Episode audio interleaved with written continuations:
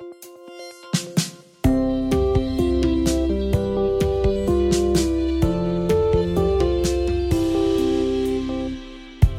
dag, våren 1953, stolpade Francis Crick och James Watson in på puben The Eagle i Cambridge.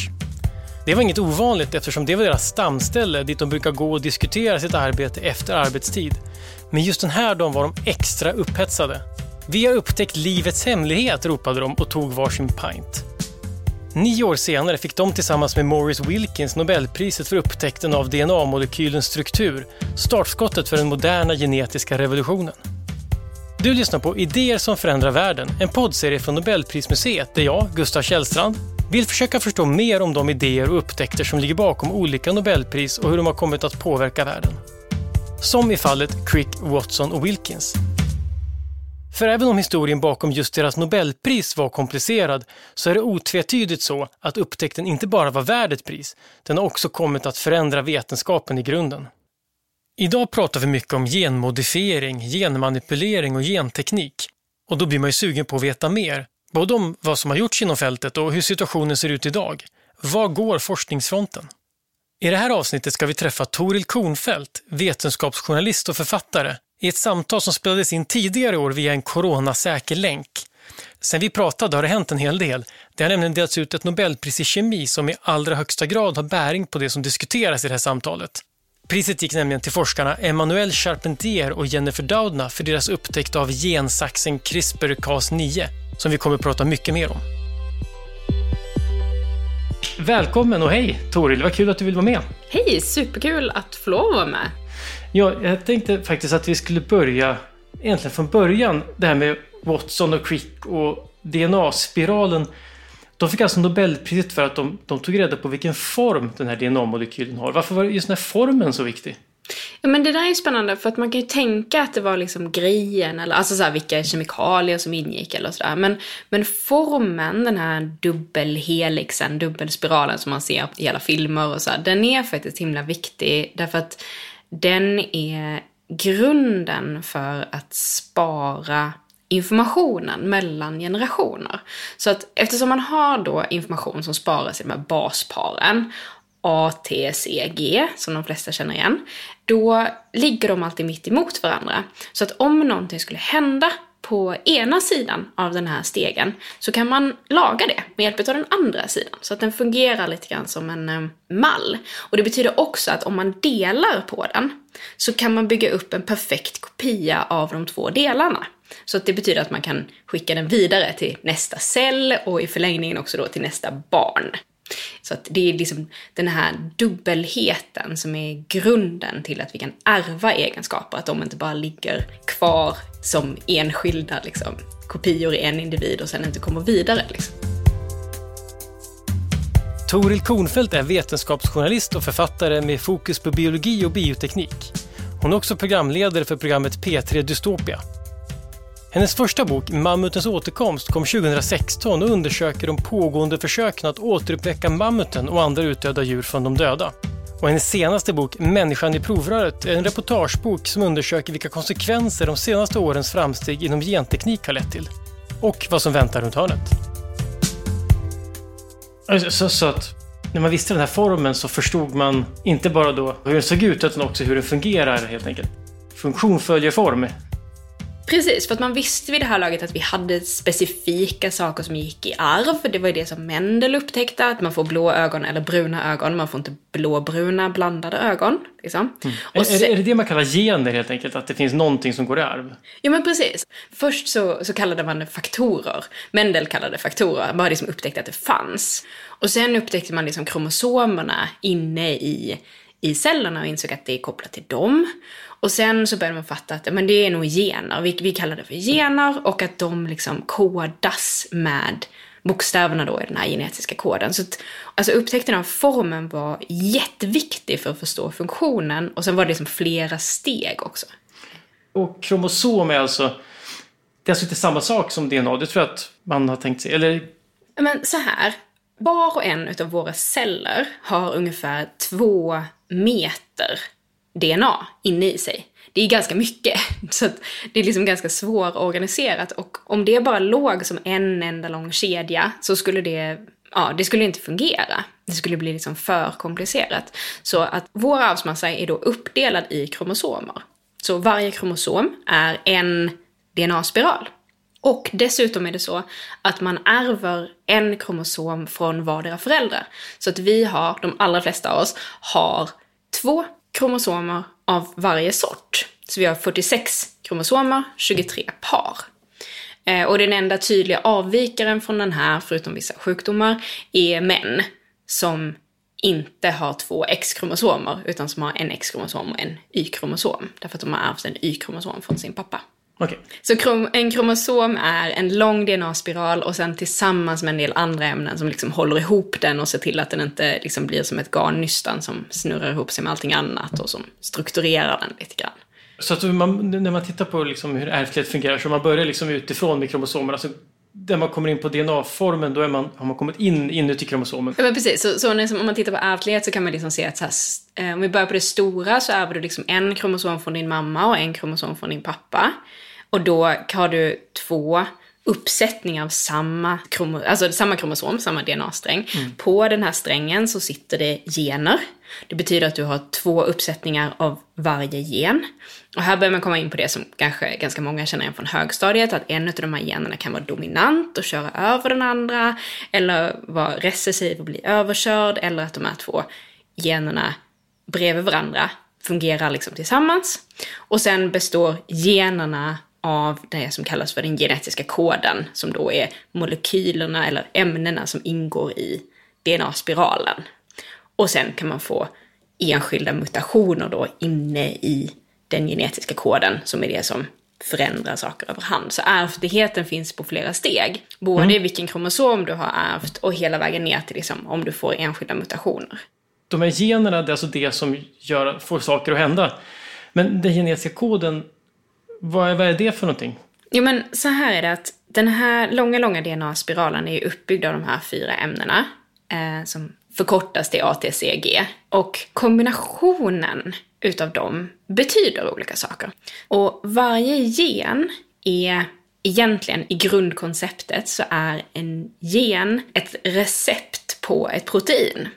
Så en gen ger ett protein.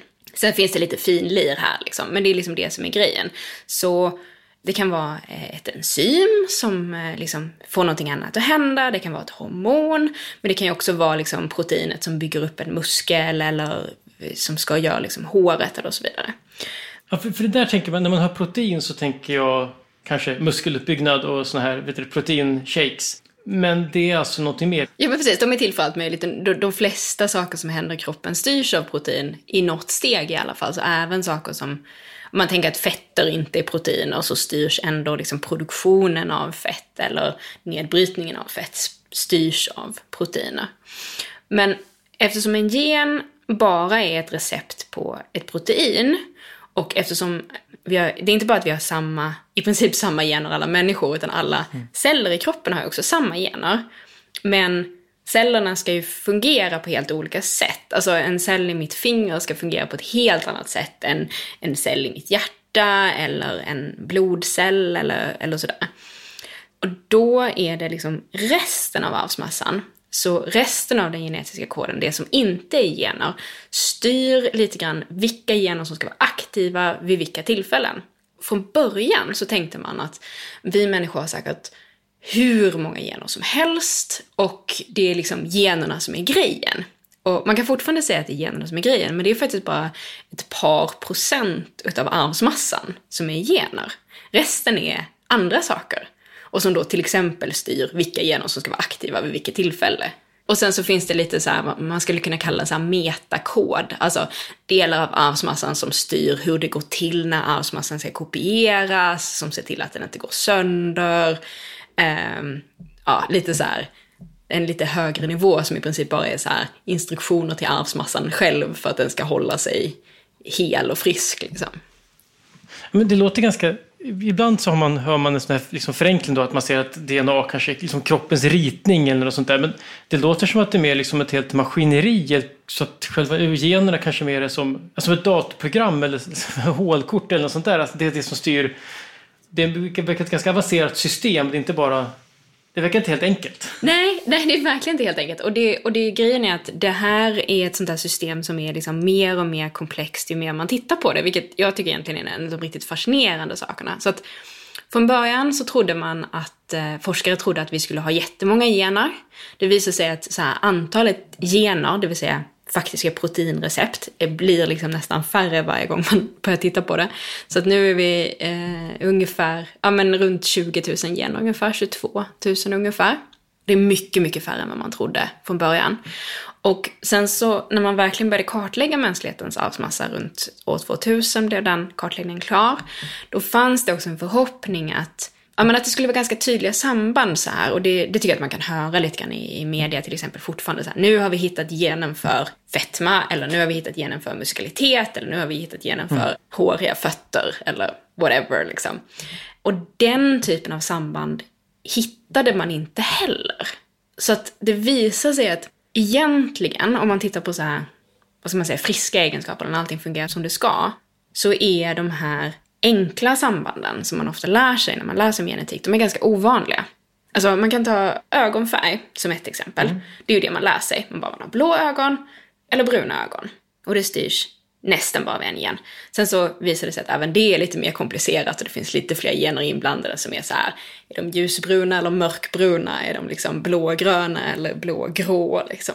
Men det är ändå liksom en ganska tydlig uppdelning. Mm. Mm. Men om man tittar på längd, det är inte så att alla människor har den ena eller den andra längden. Man är, liksom nej, inte nej, antingen lång eller kort. Och då är det ju ganska tydligt att då måste det vara mer än en gen inblandad i hur längden styrs. Och då tänkte man från början att så här, ja, men de här komplexa sakerna som styrs av många gener, de kanske styrs av 20 gener. Var en, en uppfattning på då slutet 90-talet, tidigt 2000-tal. Så här, 20 gener, det, kan nog, det är många gener. Det skulle kunna ge en fin sån här normal fördelning. Men när man faktiskt börjar försöka kartlägga det här som man gör nu, då har man hittat 700 gener som påverkar längden. Och man har dessutom hittat 100 000 eh, små sådana här andra genetiska element som inte är gener men som finns i koden och styr generna, som också påverkar längden. och om man räknar på det så blir det också ganska tydligt att om vi har 700 gener som påverkar längden, det är inte 700 av våra 20 000 gener som kan bara göra bara det. Utan Nej, de multitaskar. De multitaskar. De här 700 generna gör en massa andra saker också. Mm. Ja, för då framstår 22 000 som rätt mycket plötsligt. Om det är 22 000 saker som kan göra många olika saker. Då, då låter det som att det man har, man har att göra. Crick och Watson var alltså de som knäckte den tidens stora vetenskapliga fråga. Den om vilken form DNA-molekylen har. Och det var ett omaka forskarpar som under några år framgångsrikt arbetade tillsammans och inte bara lyckades uppfylla sitt högt ställda mål och för det belönas med ett Nobelpris, utan också att deras idéer för alltid kom att förändra vetenskapen och världen. Vägen fram mot upptäckten har skildrats i Watsons bok The Double Helix, liksom i BBC-filmen Life Story från 1987 där Watson spelas av Jeff Goldblum. Boken och filmen ger en inte helt sympatisk bild av hur forskningen gick till. Särskilt inte gällande hur Watson och Crick behandlade Rosalind Franklin, den forskare som tog fram bilder på DNA-molekylen och som var helt avgörande för att det hela skulle lyckas. För mer inblick i den historien rekommenderar jag BBC-podden In Our Time som har ett utmärkt avsnitt om Rosalind Franklin. Det låter ju nästan som att, att, ja, men den här, att hitta den här formen på DNA var, var förstås viktigt och inte minst att det förde andra framåt. Men kanske den här genetiska koden som också är ett Nobelpris. De fick, de som upptäckte den, eller några i alla fall, det var många som kanske gjorde det. De fick Nobelpris eh, några år senare efter Watson och Crick, 1968. Det är kanske en, en minst lika viktig upptäckt. Ja, men nu så kan man ju faktiskt, med hjälp av den här upptäckten och vidare forskning, så kan man ju faktiskt läsa den genetiska koden. Så att man kan plocka ut armsmassa och eh, sekvensera den. Det betyder att man kör den genom olika maskiner så att man eh, i princip känner av vilket kemiskt ämne utav de här ATCG som ligger i vilken ordning. Och då kan man få fram det som en stor liksom, datafil, som en gigantisk textfil. Och när du har det, då kan man också knäcka den i betydelsen att man kan känna igen, liksom det här är en gen, det här är någonting annat inte bara läsa av den som är att få ut den, utan också förstå den och tolka den och vad den betyder och, och hitta då vad som är gener som, eh, som har stor betydelse, vad som inte har så stor betydelse, vad som mest verkar vara liksom skräp eller rester och så vidare. Och hur är det med det skräp-DNA? Det pratades ett tag om skräp-DNA som att det var någonting som fanns, men nu för tiden verkar det som att det kanske inte finns, eller hur är det så? Nej, det verkar... Det, det, det var ju just det här att man bara säger okej, okay, men vi tänker att generna är det som är viktiga. Det är ju på något sätt fortfarande generna som är viktiga för att de på många sätt är grunden. Och sen så blir man så här, men det är ju bara ett par procent, vad är allt det här andra? Och sen börjar man med en kartläggning av så här, okej, okay, men, men de små bitar av koden som ser ut så här, de är detta. Små bitar av koden som ser ut så här, det är det här. Så att det är liksom ett pågående arbete med att försöka sortera upp liksom vad allt det här är. Sen så tror jag att man kommer, man kommer ju komma fram till att en del bitar faktiskt fortfarande är skräp. Rester av virus som någon gång under historien har så här snirklat sig in i vår arvsmassa och sen ligger kvar utan att kunna reproducera till exempel. Ja, men det är mindre skräp än vad det såg ut som ett tag. Men du nämnde sekvensering. Jag tänker när man nu vet det här. Det är för övrigt också, det är ingen slump, det är också ett Nobelpris. Det, och det är riktigt kul Nobelpris för att det är Fredrik Sanger fick Nobelpriset för det och han är en av de som fått Nobelpris två gånger. Han fick, han fick för sekvensering 1980, han, sen fick han på, ja, tidigare för, för hur man upptäckte proteinstrukturer. Men gensekvensering är väl ett sätt liksom att gå in och på något sätt manipulera och jobba i det här hela komplicerade maskineriet som då är det här DNA-systemet som vi har varit inne på. Ja, till exempel så är det ju sådana maskiner som man uh, har använt, eller som man använder nu när man testar efter coronavirus. Uh, mm. som, är, som händer precis när vi spelar in det här. Det finns lite olika metoder som man kan göra. Man kan eh, göra metoder där man faktiskt får ut hela arvsmassan. Där man faktiskt får ut den här hela genetiska koden. Eh, men det finns också metoder där man eh, snarare letar efter det som kallas specifika markörer om man vet att en viss gen eller en viss mutation orsakar en sjukdom så behöver man inte liksom analysera hela arvsmassan för att ta reda på om man har just den här genen.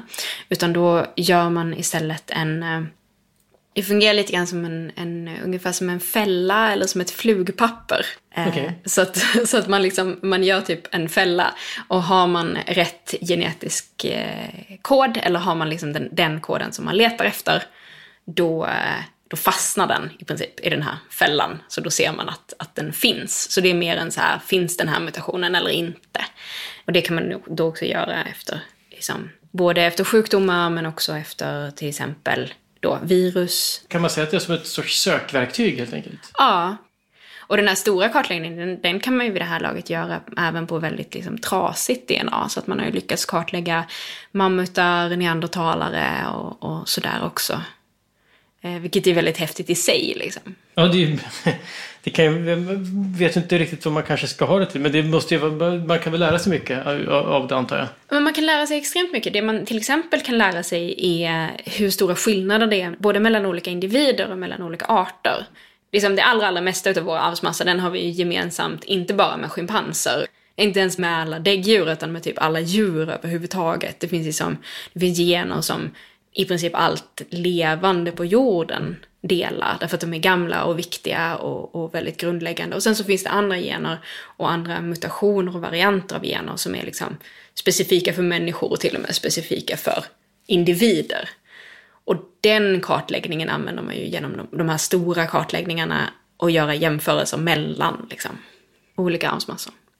Och det har varit jätte, jätteviktigt och det är ju också ett sätt att hitta vad det är som orsakar sjukdomar. För då kan man se till exempel att men alla som har den här sjukdomen, de har ju en mutation i den här genen, till exempel. Och apropå coronavirus, om man, om man är som jag som man är nyfiken på om det finns kommer komma något vaccin eller liknande så, så har man varit inne och, och lyssnat på många vetenskapspoddar och diskussioner och så nämner de ofta det här med att, att det finns något test som man innehåller PCR och man använder PCR. Men då har de inte haft fokus riktigt på vad PCR är för någonting. Men jag vet inte mycket mer än att det är ett Nobelpris till Cary Mullis 1993.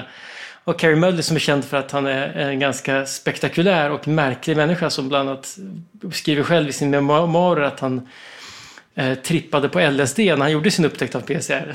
vilket är, vilket är, så han är ju fascinerande på det sättet. Men PCR uppfattar jag som en väldigt häftig upptäckt men jag vet inte riktigt vad det är. Alltså PCR är en sån här maskin som man använder just för att hitta spår av specifika bitar av arvsmassa. Man har liksom ett litet DNA-prov och sen eh, multiplicerar man upp det. Så att det börjar med att om du har liksom bara väldigt lite arvsmassa så kan du liksom öka upp volymen. Du kopierar den massa, massa, massa gånger. Så att du får liksom mycket att jobba med. Och sen kan du i då en PCR-maskin göra just den här typen av fälla där du kan se om arvsmassan innehåller en specifik markör som man letar efter. Så man använder en PCR-maskin för att till exempel då hitta virus-DNA från coronaviruset. Liksom. Mm.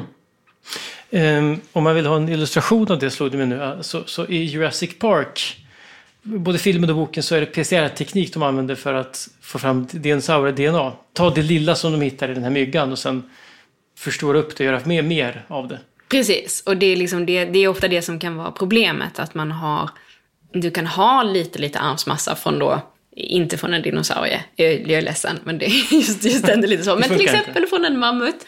Eh, men även kanske från en brottsplats eller då från ett salivprov mm. eller någonting sånt. Och så kan du multiplicera upp det innan du gör testerna. Alltså, om du tar ett, test, ett salivtest på en människa så innehåller det ju väldigt lite virus i förhållande till hur mycket mänskligt arvsmassa det innehåller till exempel. Så det är väldigt lätt att viruset inte upptäcks om man inte har den här tekniken för att öka mängden. Liksom. Men nu har vi liksom lite grann kommit in på, med tack vare den här kunskapen vi har så är vi liksom inne och, och manipulerar och pillar i det här DNA. Och när man hör liksom genmodifiering, det den bild jag har fått i huvudet tidigare kanske är att DNA ligger där liksom ordentligt i god ordning och ser ut som en dubbelspiral. Och så går man in och så flyttar man runt saker lite grann in i det där DNA bara. Tar en, en A och flyttar till en, byter ut mot en T och sånt där. Men utifrån det vi har pratat om hittills så förstår man att det här är ett mycket mer komplicerat system med mycket mer rörliga delar. Som, som det är mycket mer som att ändra liksom en del i en kod på en dator som fortfarande kör. Det är inte så himla enkelt så att man bara går in och klipper och klistrar. Nej, det är ju inte det. Och jag menar, tittar man på det historiskt möjligheten att ändra i arvsmassan har ju gått lite grann parallellt med vår ökade kunskap om arvsmassan också. Och där har det också varit så att alltså de allra första metoderna för att ändra i arvsmassan, de handlade egentligen bara om att öka mutationerna. Varje gång arvsmassan kopieras så finns det en risk att det blir någonting blir fel, att det inte blir en perfekt kopia. Nästan alla fall när det händer så har det inte någon betydelse överhuvudtaget. För att eh, systemet har också väldigt mycket så här, säkerhetsmekanismer på plats för att det inte ska liksom ställa till någonting eh, eftersom det är ett så uppenbart problem. Och sen liksom nästa grej är att de gångerna det har effekt så har det nästan alltid negativ effekt. Individuellt eller liksom i längden. Och, men väldigt, väldigt sällan så kan det ha en positiv effekt. Och det är den där lilla, lilla positiva effekten som evolutionen i viss utsträckning lutar sig på. Eh, sen finns det andra evolutionära processer också. Men, Eh, och det man gjorde i början när man ville göra genmodifiering, framförallt på växter då, var ju helt enkelt att man bara söker, men vi, om, vi bara, om vi bara får dem att mutera så mycket som möjligt så kommer någon av dem att bli bra. Mm. Så då kunde man ta samma massa frön eller växtceller och bara köra, till exempel köra radioaktiv strålning på dem. Också ett Nobelpris. Mm. Eh, inducerade mutationer. Ja. Så man till exempel då strålar med radioaktiv strålning på dem och så blir det en massa mutationer, de allra flesta blir kassa. Men det kan komma fram en variant av vete till exempel som istället blev lite mer torktålig eller mm. fick lite bättre skörd eller någonting sånt. Så då gjorde man det helt slumpmässigt. Och sen har man liksom stegvis blivit bättre och bättre på att styra den här processen. Men fram till för bara några år sedan så var det fortfarande väldigt klumpigt. Alltså man lyckades på 70-80-talen och få in så att du faktiskt kunde styra vilken gen du skulle ändra. Framförallt så lyckades man stoppa in gener då. Du kunde liksom flytta gener. Och det är ju fortfarande liksom ganska grovt. Det är lite grann som att man... Ja men, tänk dig att du har ett jättestort bibliotek. Och sen så eh, står du utanför eh, och med en lång pinne så öppnar du ett fönster. Okay. Och sen bestämmer du dig för att börja kasta in böcker i det här biblioteket. Oh. Och en del av de här böckerna kommer att komma in genom fönstret. Mm. Till att börja med. Och en del av de som kommer in genom fönstret kommer faktiskt också hamna på en bokhylla där bibliotekarien som går in runt i det här biblioteket kan råka plocka upp dem och börja läsa dem. Okay. Och det var ungefär så som, som den här tid, tidiga genmodifieringen gick till. Att man så här, stod och kastade in gener, hoppades att de skulle till, till att börja med inkorporeras i arvsmassan och sen att de också skulle då hamna någonstans där cellen faktiskt läste dem och liksom använde dem. Det var en sån här metod som nu ser den väldigt grov ut, då var det liksom ett otroligt framsteg att man kunde göra så här. Och det är ju det som har skapat till exempel de flesta genmodifierade grödorna som fortfarande används är liksom med den metoden. En av de som gjorde de här genombrotten på, på 70-talet, Paul Berg, han tyckte att det här var fantastiskt men blev också lite nervös av det. Och valde att ordna en konferens där han bad sina kollegor som är på med, med genmodifiering att ta en paus under ett år för att se hur den här tekniken faktiskt kunde användas. Vad var det folk var nervösa för då? Ja men det var ju verkligen, alltså även om det kan låta lite grovt när jag beskriver det, så var det ju också en, en otroligt kraftfull teknik. Det här med att du kan ta en gen, en egenskap från en organism och stoppa in det i en annan. Alltså det var inte alltid det fungerade, men, men bara det faktum att det gick var ju liksom otroligt stort. Och det är på något sätt stort på det där sättet som man nästan inte tänker på längre därför att speciellt i den vetenskapliga världen är det här så himla vanligt nu. En av de vanliga tillämpningarna i forskning det är ju att man sätter in en, en gen som gör saker självlysande eller fluorescerande. Det är ju en gen som från början kommer från en um, manet. Det är Martin, Martin Schellfis Nobelpris. Ah, precis. eh, och, och det gör man ju därför att det man gör då är att man tar den här genen för att någonting ska bli självlysande och sen så sätter man ihop den med en gen som man egentligen är intresserad av. Och så liksom skickar man in dem samtidigt. Slänger man in de här två böckerna samtidigt genom fönstret ungefär. Och då kan man se att om det man har gjort har blivit självlysande eller fluorescerande, då är det också troligt att den andra genen också har börjat fungera, har blivit liksom uppplockad och läst i så här, det här biblioteket. Så att det här är nu en väldigt mycket av en grunddel av forskningen. Samtidigt som den när det kom och i viss utsträckning fortfarande gör det tydligt vilken makt man har i de här situationerna. Alltså vilken, vilka otroliga förändringar man har potential att göra. Och det är inte konstigt att man som forskare blev, blev nervös. Jag tycker, det är, jag tycker det är ganska sympatiskt och väldigt trevligt att man, inte att man säger så här, nej men det här ska vi aldrig använda, den här forskningen ska vi liksom inte ha, utan mer så här, okej, okay, vi, vi kanske ska tagga ner här och fundera på hur vi ska använda det här på ett så bra sätt som möjligt och inte råka ut för riskerna med det. Liksom. Ja, då såg vi också, det finns exempel från andra vetenskapsgrenar, till exempel i fysiken, där man upptäckte att det fanns en teoretisk chans att bygga bomber av det här väldigt teoretiska upptäckten då, att atomen kan dela på sig. Men då valde man inte att göra ett så att säga, embargo mot forskning, utan tvärtom att, att använda det till att så fort som möjligt bygga en bomb. Så att det, det här var ju kanske ett sundare sätt att hantera Precis, och det har ju kommit liknande uppmaningar från forskare de senaste åren eh, med tanke på liksom nästa stora genombrott inom gentekniken som kom för, för ett par år sedan. Ja, berätta om den. Den, den har du skrivit en bok om dessutom. Ja, precis. Nu, nu är det här väldigt grovt, det är klart att det funnits massa tekniker emellan här, men, men nästa stora genombrott är det som kallas CRISPR-tekniken som tillsammans med ett par andra genetiska tekniker verkligen förfinar den här processen. CRISPR-Cas9 är en teknik som bygger på bakteriers immunförsvar och deras förmåga att känna igen angripande virus och klippa sönder dem. Pristagarna Charpentier och Doudna hittade ett sätt att använda det här för att skapa ett verktyg som kan hitta enskilda gener och sen klippa ut dem och ersätta dem med andra. Med hjälp av det här kan man göra förändringar i arvsmassan till exempel för att korrigera en sjukdomsgen eller skapa en riktad mutation. Så att istället för att stå utanför och liksom kasta in de här böckerna och mm. hoppas att någon kanske tar emot dem, så kan man nu själv gå in i biblioteket och välja vid, i vilken hylla man ska sätta in en ny bok. Man kan till och med plocka ut en bok och skriva om ett par meningar i den och sätta in den igen eller liksom stryka. Alltså om man nu tänker sig att generna är böckerna här, mm. så har man gått från att liksom bara slänga in en gen och hoppas att det ska funka, till att kunna eh, gå in och konkret lägga till gener exakt där man vill ha dem, men också ta bort gener och att aktivt ändra inne i gener.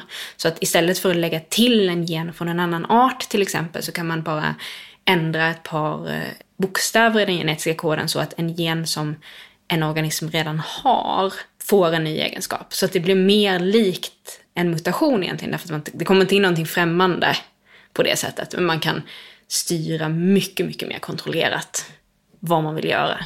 Ja, men jag vet att CRISPR kallas ibland för gensaxen och det ger en väldigt tydlig bild i huvudet då, att man kan gå in och klippa och sätta in och sådär.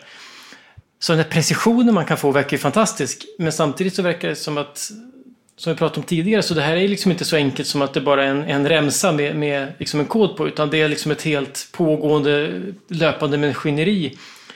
Alltså det är inte lätt bara för det. Nej, precis. Och jag tror att CRISPR har verkligen gjort det tydligt också vilka saker som är lätta att fixa med genteknik nu när vi har en väldigt mycket mer precis genteknik. Och det kommer ju komma nya upptäckter som gör att CRISPR ser ut som någonting väldigt grovt också såklart. Och vilka saker som, som nog kommer att vara svårfixade nästan oavsett vilken teknologi man har. Så, så saker som är inom citationstecken lätt att fixa med CRISPR om man bara håller det här på ett teoretiskt plan nu och inte liksom tänker sig etiska konsekvenser eller liksom så. Det är ju saker som orsakas av en enda mutation eller en enda skada. Det finns till exempel 6000 ungefär sjukdomar som orsakas av en enda mutation. Då har, går man liksom förbi det här att det är massa olika gener som påverkar en grej. För det är också ganska tydligt att om en gen blir tillräckligt trasig så kan det liksom slå igenom, även om en massa andra gener påverkar. Så har du, det är liksom mängder av gener som påverkar immunsystemet till exempel. Men har du en trasig gen på fel ställe så kan du få väldigt, väldigt allvarliga sjukdomar i immunsystemet i alla fall. Och den sortens skador är det teoretiskt sett mycket, mycket lättare att fixa med det här. Eller när du vill liksom ändra på en specifik, så mm, i, i Skåne till exempel, vid Alnarp så finns det forskning som pågår där man tittar på stärkelse i potatis.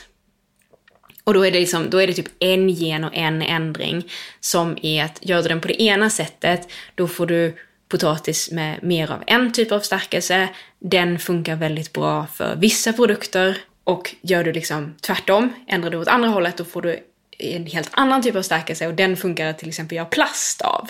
Så den är inte right. lika bra att äta, men du kan använda den till någonting helt annat. Alltså man skulle kunna ändra kanske upp till 20-30 gener, men inte 700 liksom. Nu tänker jag så här att man vill ju inte vara den som är den, men vi har ändå nämnt Jurassic Park. Nu tror jag inte att kanske en potatis är lika farlig som en dinosaurie, men, men du pratar om att vi har väldigt stark kontroll och liksom temat i Jurassic Park är att, att den där kontrollen kan vara illusorisk. Finns det risker med det här helt enkelt?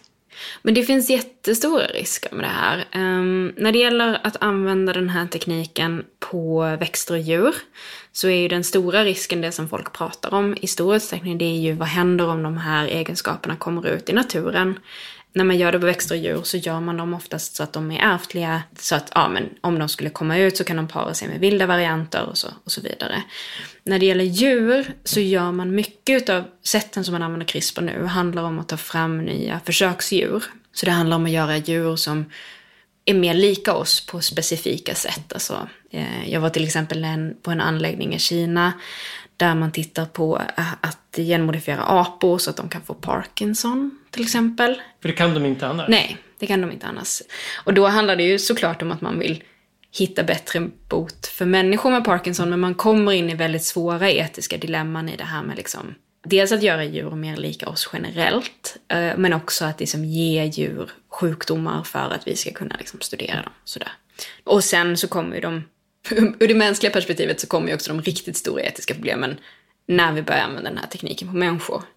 För att det som är tydligt också är att med några få undantag så har de tidigare teknikerna varit man har varit väldigt begränsad i hur man kan använda dem på människor för att de har varit svåra och dyra och det har varit mycket slump och sådär. Så att med några få undantag som varit ganska försiktig med att använda genteknik på människor. Men med de här nya systemen så börjar det bli möjligt att använda det här på oss. Både på vuxna för att behandla sjukdomar, men också har det ju fötts barn som har varit genetiskt modifierade vid födseln. Så att man har gått in och, och gjort genetiska förändringar i embryon. Det var väl förra året som det var en forskare som Precis, slutet på 2018 så var det en kinesisk forskare som eh, gick ut i, på en konferens och berättade att han hade gjort eh, modifiering så att två stycken tvillingflickor då hade fötts med eh, CRISPR-förändrade gener, en specifik gen som han hade påverkat. Det här blev verkligen kaos på många sätt. Både för att han hade gjort det här i hemlighet, han hade inte tillstånd, han hade inte berättat för någon i förväg precis som vi nämnde tidigare om så forskare som hade velat att man skulle vänta med forskningen så fanns det också en gentlemannaöverenskommelse bland, bland världens forskare att inte göra det här. Par år mm. tidigare, 2015, kom de första resultaten som visade att det var möjligt. Man gjorde det här i ett provrör och sen så liksom avbröt man försöket. Embryona stoppades aldrig in i en livmoder. Men då bestämde man sig också för att vi, vi väntar med det här. Vi pausar med detta liksom. Och det gick den här forskaren emot då, plus lagar och, och, och, etiska prövningar och så vidare. Så det var en stor faktor det här också. Men det var också en stor faktor att, eh, att det funkade, att någon gjorde det, att de här flickorna föddes och verkade friska. Liksom det, det var ett jättesteg. Det, det är jämförbart med när det första klonade fåret föddes till exempel. Och, och kanske till och med ännu större eftersom det är människor. Liksom. Mm. Och det är flera forskare som efter att de här två första tvillingflickorna föddes har gått ut och sagt att de också vill göra liknande försök. De vill också göra genmodifieringar på människor. Och än så länge så handlar det väldigt mycket om allvarliga sjukdomar på olika sätt. Men det är ju också en, en glidande skala på vad, vad som skulle kunna vara möjligt. Både när det gäller vuxna och när det gäller barn. Och där tänker jag också att, att en sak som är, som är viktig att ha med sig, det är att om man gör en förändring på ett embryo då är det liksom, det är inte bara så att de här flickorna har den här förändringen i hela sitt liv. Men det är också så att eftersom den här mutationen gjordes så tidigt så kan de ge den i arv. Mm. Man har inte bara förändrat de här flickorna utan man har förändrat deras barn och barnbarn och barnbarnsbarn och barnbarnsbarn och så vidare. Medan om jag skulle göra en genetisk förändring i min kropp nu, säg att jag fick, eh, säg att det visar sig att jag har en eh, genetisk ögonsjukdom till exempel i vissa sådana sjukdomar så gör man redan studier nu där man använder CRISPR för att gå in och förändra enskilda celler inne i ögonen. I näthinnan till exempel. Så att om någon gjorde det på mig nu så skulle det naturligtvis finnas risker med det. Men det skulle inte påverka mina ägg. Mm, så att om jag fick barn efter det så skulle inte de ha med sig den förändringen. Och det är en ganska viktig distinktion när man pratar om de etiska problemen med de här teknikerna också. För att att använda genmodifiering på vuxna människor är mer likt ja, men vilken medicin som helst. Det finns alltid risker med behandlingar och man kan bedöma dem. Men att använda det på embryon, det är trots allt att potentiellt förändra mänsklighetens framtid. Men det verkar ändå som att kunskapsläget är sånt att riskerna med den här nya tekniken då, som vi ser idag kanske mer består i att vi just kan göra väldigt mycket saker än att vi inte riktigt vet vad vi håller på med. Vi verkar veta hyfsat ändå vad vi gör med det här. Yeah. Men, men frågan om vi sen bör göra det eller ja, inte. Precis. Jag tror att vi inom de närmsta åren kommer att se en ganska intressant glidande skala. Där det kommer att vara så att vi börjar med de här uppenbara sakerna. Till exempel allvarliga genetiska sjukdomar och där det är väldigt tydligt vilken specifik gen det är som är inblandad. Och sen efter det så kanske man går in på gener som ökar risken. Så det finns till exempel ganska kända mm. mutationer som ökar risken för att få bröstcancer till exempel. Att man går in och börjar ändra på dem. Om man då väljer att, att göra modifieringar på embryon. Eh, för det är det som skulle behövas där, du kan inte fixa det i efterhand. Och sen börjar man också komma in på de här sakerna som, är det en sjukdom eller är det inte en sjukdom? Personligen så är jag, eh, jag är rödhårig och fräknig. Jag trivs ganska bra med det. Mm. Eh, men det ökar du också... Inte, du ser det inte som en sjukdom? Jag, jag ser det personligen inte som en sjukdom. Eh, men det ökar ju min risk eh, att drabbas av hudcancer, mm. till exempel. Och är det liksom, skulle det vara tillräckligt för att välja bort en sån mutation? Och, och där någonstans så närmar man sig också ett ganska svårt etiskt dilemma som handlar om vad som är naturligt, vad som är friskt, vad som är önskvärt, hur stor variation i människors förmågor som vi tycker är frisk. Mm. På lite längre sikt så finns det en risk att den diskussionen kommer att bli, eh, bli svår och att man riskerar att liksom smala av ytterligare vad som anses som friskt i ett samhälle. För många ser framför sig en oro, tänker jag, för att man ska på något sätt skapa supermänniskor och att det skulle vara problemet, att man skulle använda det här för mycket. Ja, men jag menar, man kan också tänka sig de grälen liksom. Ja, men kommersiella aktörer skulle börja erbjuda eh, hårfärg eller ögonfärg eller kanske hudfärg eller ja, vissa andra sådana egenskaper där det finns tydliga genetiska kopplingar. Jag tänker dig det grälet med liksom tonårsbarnen som bara, jag betalade jätte, jätte, jättemycket pengar för att du skulle bli musikalisk mm. eller extra bra på långdistanslöpning eller vad som helst och ungen bara, nej men gud jag hatar det, jag vill aldrig, jag vill aldrig se en fiol, jag vägrar ta på mig ett par träningsskor, jag vill syssla med det här istället. Alltså... Jag förstår vad du menar. Jag tänker annars, en annan sak tänker jag, som jag tänker på är, är det är ganska lätt som vi har gjort nu, vi kommer in på de här etiska dilemman och, och, och kanske problemen med det här. Samtidigt skriver du i din bok om det här att det här CRISPR kan vara ett av kanske det största genombrottet inom medicinsk forskning, penicillin. Man kan utrota en del plågsamma ärftliga sjukdomar. Det kan förmodligen också hjälpa till att utveckla läkemedel. Inte minst mot cancer. Jag tänker mig att det kanske också kan användas för att utveckla vaccin, kan vi hoppas, i framtiden. Men finns det en, risk att forskare och vetenskapsjournalister är för medvetna om de etiska dilemman så att de gör även allmänheten bekymrade över det här? Med tanke på att det finns ett stort motstånd mot, liksom, mot genmodifierade grödor och sånt som kanske inte är så farligt. Och borde man tänka mindre på etiken för att det, den, folk är så negativa? Jag förstår vad du menar. Jag kanske inte att man ska tänka mindre på etiken, men jag, men jag håller med dig. Jag tror, att, jag tror att det finns en risk att man glömmer de otroliga potentialen som finns i den här tekniken. Och, och när det gäller till exempel genetiska sjukdomar så, så är det ju också en, en situation där de flesta genetiska sjukdomar är ganska ovanliga. För att de har inte haft, man har haft mindre sannolikhet att överleva helt enkelt om man har burit på dem. Men sammantaget så är det ganska vanligt med någon genetisk sjukdom. Och det är ju också sjukdomar som har varit som inte har haft särskilt lika stor nytta av de senaste årens liksom, jätteframsteg inom medicinen. Så att jag, jag tror verkligen att man, man måste också lyfta fram de här enorma möjligheterna. Och det finns, det finns en risk att man, att man fokuserar lite grann för mycket på så här sköna nya värld mm. eller liksom eh, rader av, eh, av genmodifierade identiska människor i framtiden. Utan, utan framförallt så är det här en teknik som, som redan har positiva effekter på, på framförallt på vuxna människor och inte bara på, på embryon utan, utan framförallt i det som cancerbehandlingar. En av de sakerna som gör mig väldigt glad är att det finns eh, en hel del hopp om att CRISPR kommer kunna vara avgörande för att faktiskt ta fram ett botemedel mot hiv. Det är Det är verkligen supercoolt.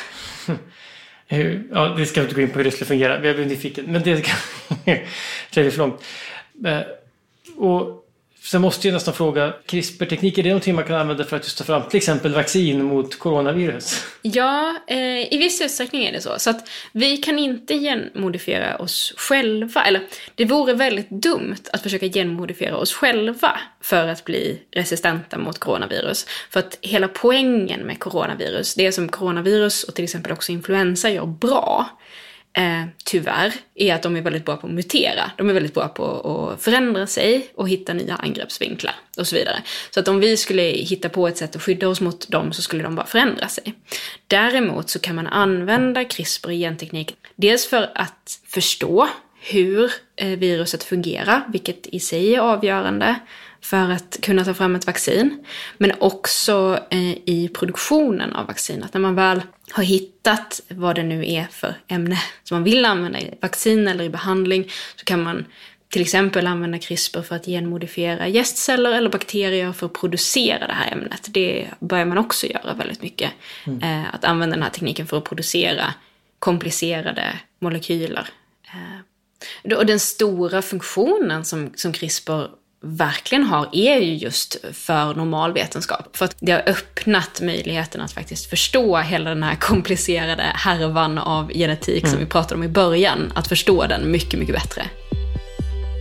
Det låter ju otroligt hoppfullt. Vi har gått från hur man hitta formen på någonting till det man visar sig att det var ett stort komplicerat maskineri till att vi nu faktiskt kanske kan förstå hur det maskineriet fungerar. Tack så mycket Tore för att du förklarade och berättade om det här. Det var otroligt fascinerande. Jag tror att vi hade kunnat hålla på en timme till. Det tror jag också. Tack så mycket för att jag fick vara med. Tack själv. Idéer som förändrar världen är slut för den här gången. Den här podden görs av Nobelprismuseet. Vi finns på Stortorget i Gamla stan. Info om utställningar och öppettider finns på museets hemsida nobelprismuseum.se. Du kan förstås också följa oss på Facebook och Instagram. Och vill du veta mer om Nobelpristagarna och deras arbete så gå gärna till Nobelprisets hemsida nobelprice.org. Och ett stort tack till Nobelprismuseets huvudpartners Nibe Group och EF Education First som möjliggör Nobelprismuseets verksamhet. Vi är snart tillbaka med nya intressanta samtal. Jag heter Gustav Källstrand.